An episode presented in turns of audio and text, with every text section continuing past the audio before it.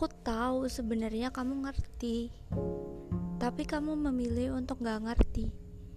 Aku tahu kamu sebenarnya tahu perasaanku, tapi kamu memilih diam.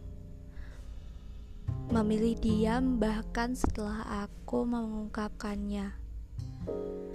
Berbaris-baris pesan yang aku tulis seakan percuma ketika sudah kukirim ke kamu.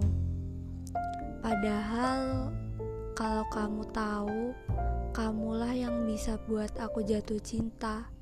Cuma kamu.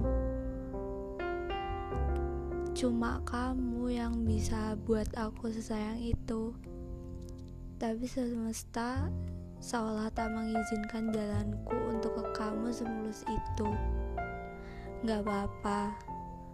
Toh, perasaanku gak harus berlabuh di kamu kan?